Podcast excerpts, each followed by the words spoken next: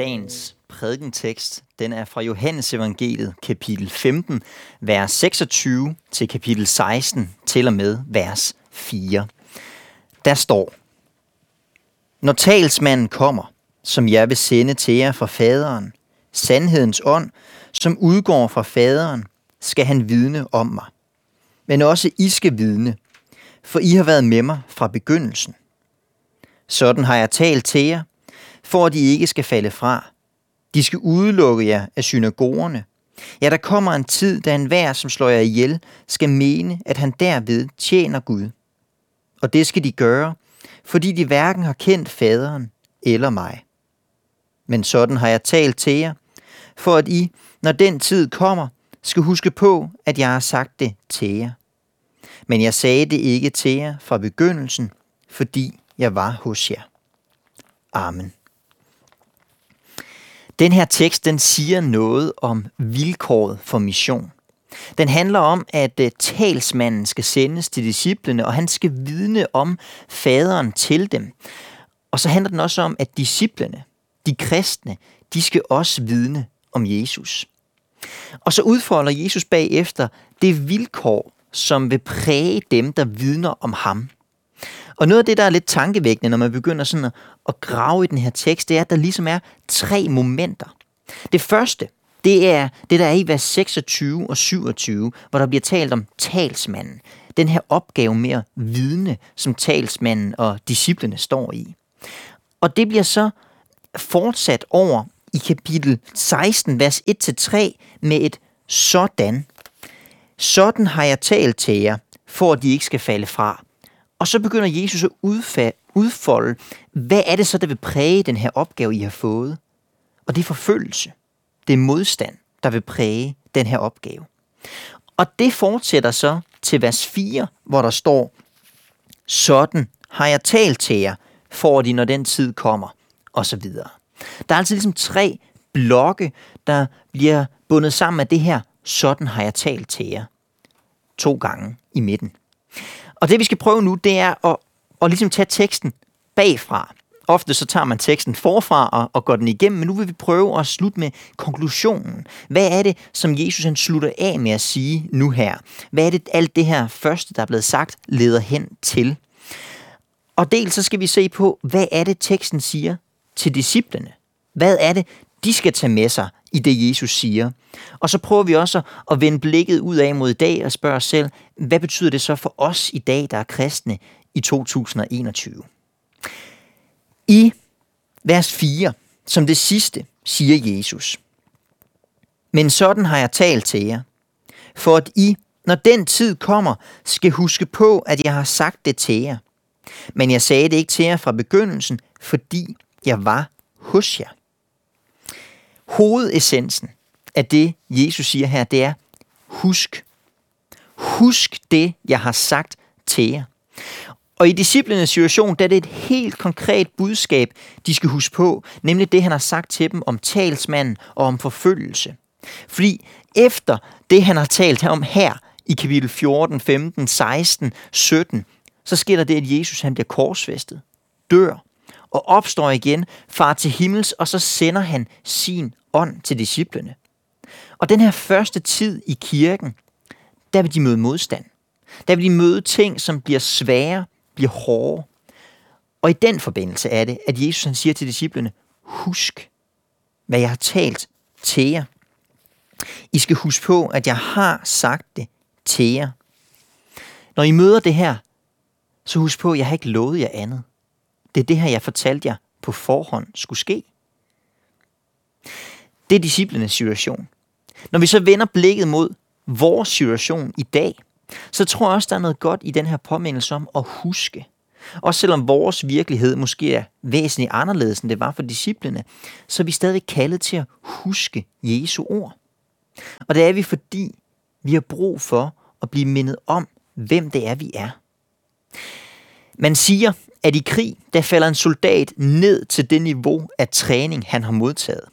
Når man ser en, en eller anden actionfilm, det kan være en hvilken som helst på markedet, det er bare at vælge, så er det sådan, at helten typisk den her enlige ulv, den her store, stærke mand, han, han kæmper sig op på et niveau, som han slet ikke normalt besidder.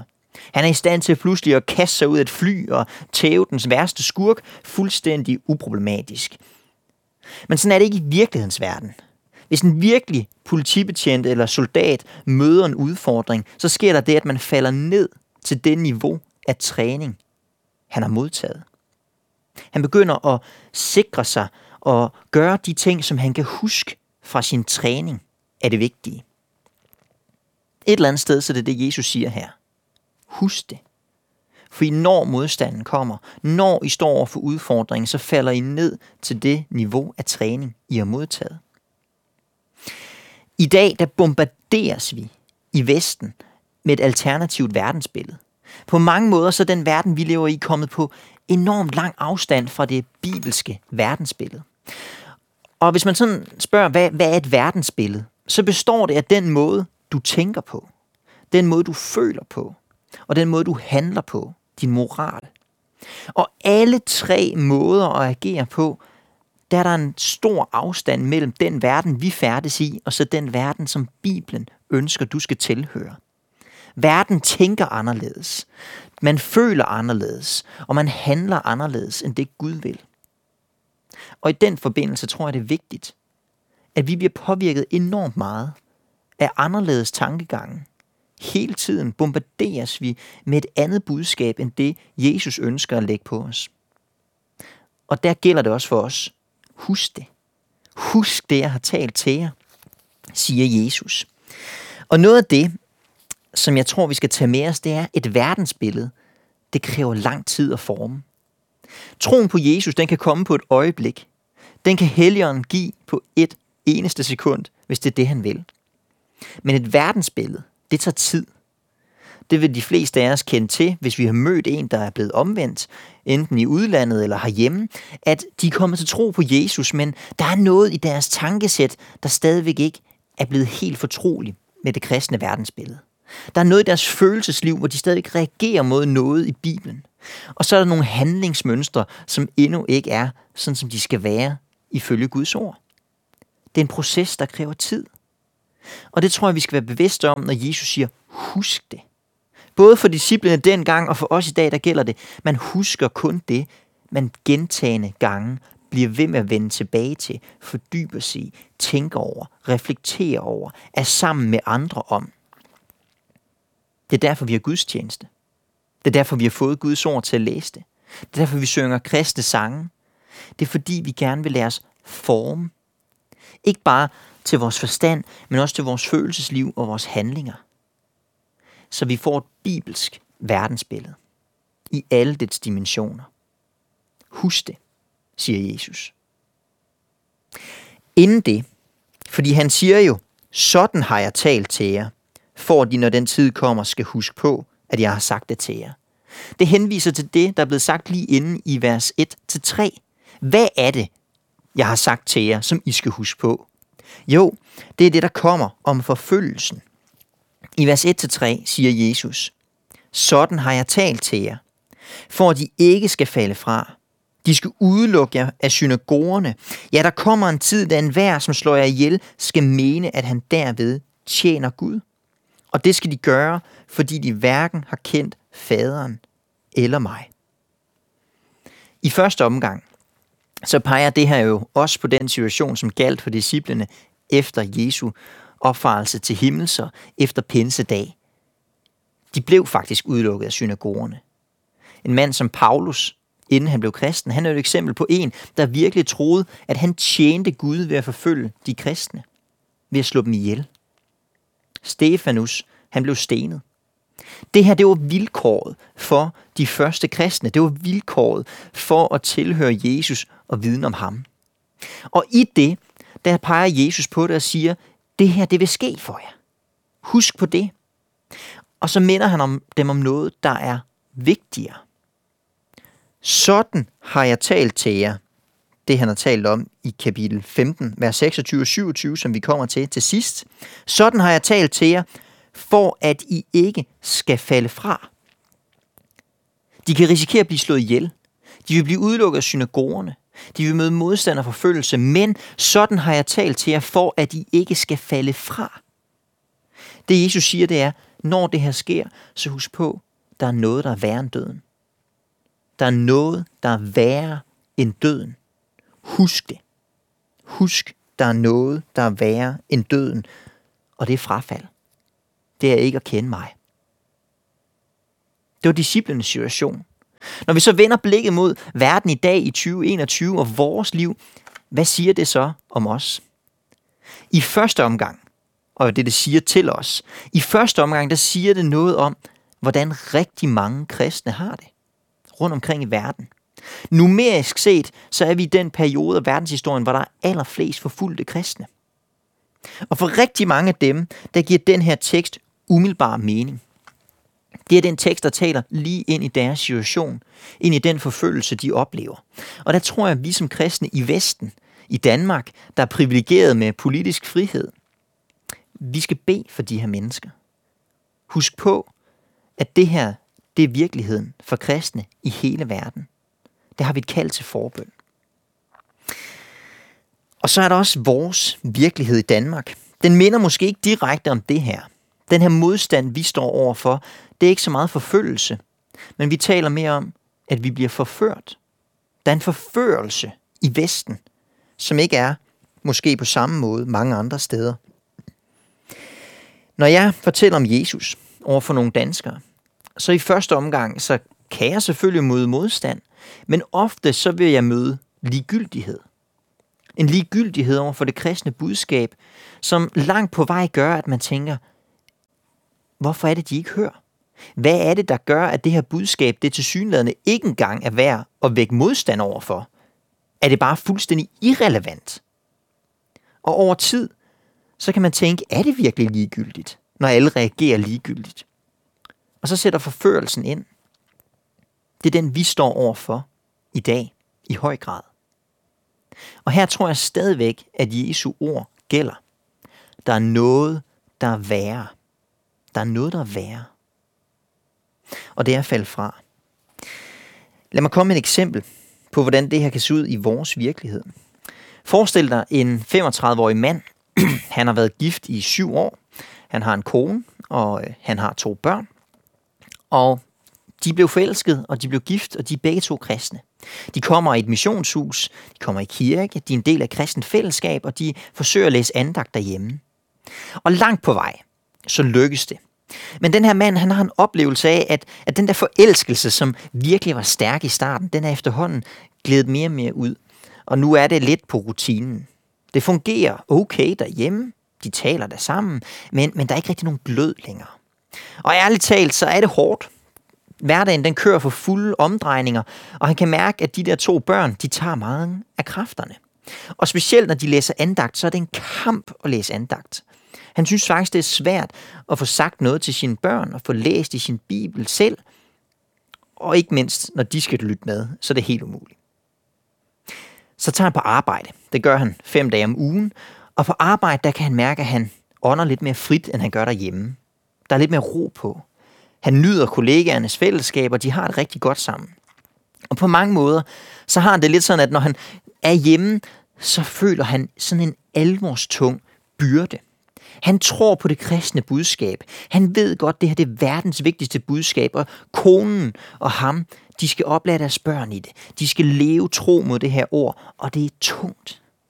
Og så tager han på arbejde. Og i starten, der prøvede han også at fortælle lidt om Jesus, men det mødte bare sådan en ligegyldighed. Og han kan mærke, at der er en helt anden lethed over deres liv. De er ikke tynget af en eller anden tung moral, men, men de er fri. De er fri på en helt anden måde. Sådan oplever han det. Og efterhånden så finder han også ud af, at han har faktisk en rigtig god relation til en af sine kollegaer. En af kvinderne på arbejdspladsen. Og en dag så sker der det, at hun stille og roligt begynder at afsløre, at hun har måske egentlig fået følelser for ham. Nu står han over for et valg. Han står over for et valg mellem den her alvorstunge byrde, det er at være kristen med kone, med børn, med alt det kristne. Og så den her lethed, han oplever. Og så tænker han lidt over det, og ja, der er jo også andre, der er skilt I børnenes klasse, der er der jo mange af dem, der har skilte forældre. Og på mange måder, så savner han den glød, som var i starten. Det virker så attraktivt, det han møder. Han står for et valg. Og dybest set, ud fra et bibelsk verdensbillede, så står han nu i valget mellem at dræbe sit selvliv eller dræbe sin tro. Enten at følge sine lyster og dermed give tabt over for troen, falde fra, eller også så må han sætte sig selv til side. Og det føles som et drab. Det føles voldsomt. Det bliver en kamp. Han er nødt til at dræbe den lyst, som er i ham til at forlade sin kone, sine børn og den kristne tro. Det er det, kampen står overfor. Og den her kamp, den starter jo ikke først på den dag, syv år inde i ægteskabet, hvor han i årvis måske er begyndt at glide længere og længere væk. Det er jo ikke først der, kampen står, den dag, den her kvinde på arbejdspladsen afslører for ham, hvad hun føler. Kampen, den begynder langt før. Den starter helt i det øjeblik, han kom til tro. I det øjeblik, der startede kampen for at leve tro mod Guds ord. Og den her kamp, den er der i alle aspekter af hans tilværelse. Den er der i hans forhold til hans kone, hvor han skal sætte hende først. Hvor han skal elske hende, ære hende. Den er der i forhold til hans børn. De skal oplæres i den kristne tro, også når det er svært. Også når det kræver en hård kamp. Og han har et kald til os selv at tage til sig af Guds ord. For at have noget at leve af, så han har noget at give videre til sin familie. Og så på hans arbejdsplads, der har han et kald til at være et vidnesbyrd om, hvem Jesus er. Det er det, der er hans opgave. Han er der også for at gøre et godt stykke arbejde. Men han er der også for at være et vidne. Og lad os nu forestille os, at billedet havde været anderledes. At han havde haft den her kamp. Han har stået i den her evige kamp hver eneste dag. Men han er blevet ved. Det er ikke blevet nemmere, men han er blevet ved. Og på sit arbejde, der har han været tydelig omkring, at han tror på Jesus. Og når folk så spørger, hvad indebærer det, så siger han til dem, det indebærer for eksempel, at jeg tro mod min kone. Jeg forlader ikke min ægtefælle, fordi jeg har lært, at Kristus og kirken, det er modellen, der afspejler mit ægteskab, og derfor så er jeg altid tro mod min ægtefælle. Og fordi han har været så tydelig omkring sin kristne tro, været så tydelig omkring, at i deres ægteskab, der tilgiver man. I deres ægteskab, der er man nødt til at leve tæt sammen. Så ved den her kvindelige kollega også godt, at selvom hun måske er begyndt at få en interesse, at hun lige så godt kan slå det hen og begynde at fokusere på noget andet, for det er ikke en mulighed. Han er slet ikke aktiv på markedet, så at sige. Det er stadig hårdt. Men valget, det er ikke blevet taget den dag, syv år inden i ægteskabet. Det er blevet taget hver dag, i årvis. Og det er den kamp, han har stået i. Og det er den kamp, som Jesus han stiller os over for. Stå ved din tro. Også når du møder modstand indre som ydre. I det valg, du har mellem at dræbe selvlivet eller dræbe din tro, så dræb selvlivet. For der er noget, der er værre end døden. Også den mentale død, man kan opleve. Der er noget, der er værre end døden. Og det er at falde fra. Husk det, siger Jesus. Der er noget, der er værre end døden. Sådan har jeg talt til jer, for at de ikke skal falde fra, siger Jesus i vers 1. Og det henviser jo så til allersidst her, til vers 26 og 27. I vers 26 og 27, der skriver Johannes, og det er Jesus, der siger det. Når talsmanden kommer, som jeg vil sende til jer fra faderen, sandhedens ånd, som udgår fra faderen, skal han vidne om mig. Men også I skal vidne, for I har været med mig fra begyndelsen. Det her det handler jo igen hos disciplene helt konkret om, at Helligånden skal komme pinsedag. Ikke forstået sådan, at Helligånden ikke var der før, men forstået sådan, at nu spiller han en ny rolle. De skal få fornyet frimodighed til den her frelseshistoriske opgave, de nu tager på sig. Nemlig at være vidner om Jesus. De skal være dem, der peger på ham. Og i den opgave, der sender Gud sin ånd, talsmanden, som skal pege på Jesus, både for de kristne og gennem de kristne, gennem det vidnesbyrd, de har, også for alle andre. De skal være vidner i åndens kraft. Det er det, der sker for disciplene pinsedag. Og den her gave, som Gud han har givet ved sin ånd, den gælder også for os, der er kristne i dag. Og på mange måder, så skal det her give os frimodighed. At talsmanden kommer, som jeg vil sende til jer fra faderen, sandhedens ånd, og han skal vidne om mig. Så selvom du skal vidne, så vidner ånden med dig. I den kamp for at huske, som vi står i, det var det, vi øh, så på i vers 4. Når vi skal huske på Jesu ord, så er det ikke bare vores krampagtige opgave at huske det, men ånden kommer os til hjælp. Når vi læser Guds ord, når vi mødes i det kristne fællesskab, når vi synger de kristne sange, når vi beder til Gud, så er ånden der. Talsmanden vidner om Jesus ind i vores liv mægtigt ved sin kraft. Og i den kamp, vi står for som kristne, i at blive bevaret, i at dræbe selvlivet dag efter dag, og ret fokus på Jesus igen og igen, der vidner talsmanden ind i vores liv om, hvem Jesus er. At han er den, som har taget bolig i vores hjerter, og han er den, som giver sin kraft til kampen. Og for det tredje, det her vidnesbyrd. Vi skal vidne. I det, der er talsmand også med. At når jeg vidner, og den her mand, som vi har talt om på arbejdet, når han vidner over for sine kollegaer, så vidner ånden med ham. At i det øjeblik, han peger på Jesus, og i det øjeblik, du og jeg peger på Jesus, så sker der det, at Gud ved sin ånd møder mennesker med sig selv. Han er selv til stede i det møde, og virker mægtigt ved sit ord. Fordi vi er vidner i åndens kraft, ikke i vores egen kraft. Og derfor så tør vi også godt pege på alle skrøbelighederne. Pege på, at vi er ikke de perfekte moralske kristne. Men vi er de kristne, som tilhører Jesus. Vi er de kristne, der ønsker at pege på ham. Og så peger ånden med os. Vi skal huske ham. Vi skal huske det, Jesus har sagt. Vi skal kæmpe kampen, og vi skal vidne om ham. Ikke i egen kraft, men i åndens kraft. Det er vilkåret for mission. Og nu vil vi bede. Herre Jesus, tak fordi, at sådan har du talt til os. Du har talt til os med alvorlige ord. Ord, der taler om den modstand, vi vil møde som kristne. Det vilkår, der vil være for den opgave, du har givet os i den her verden. Herre, hjælp os til at huske det. Også tak fordi, at vi ikke er overladt til os selv, men du har sendt din ånd for at vidne om dig ind i vores liv. Til udrustning ind i opgaven.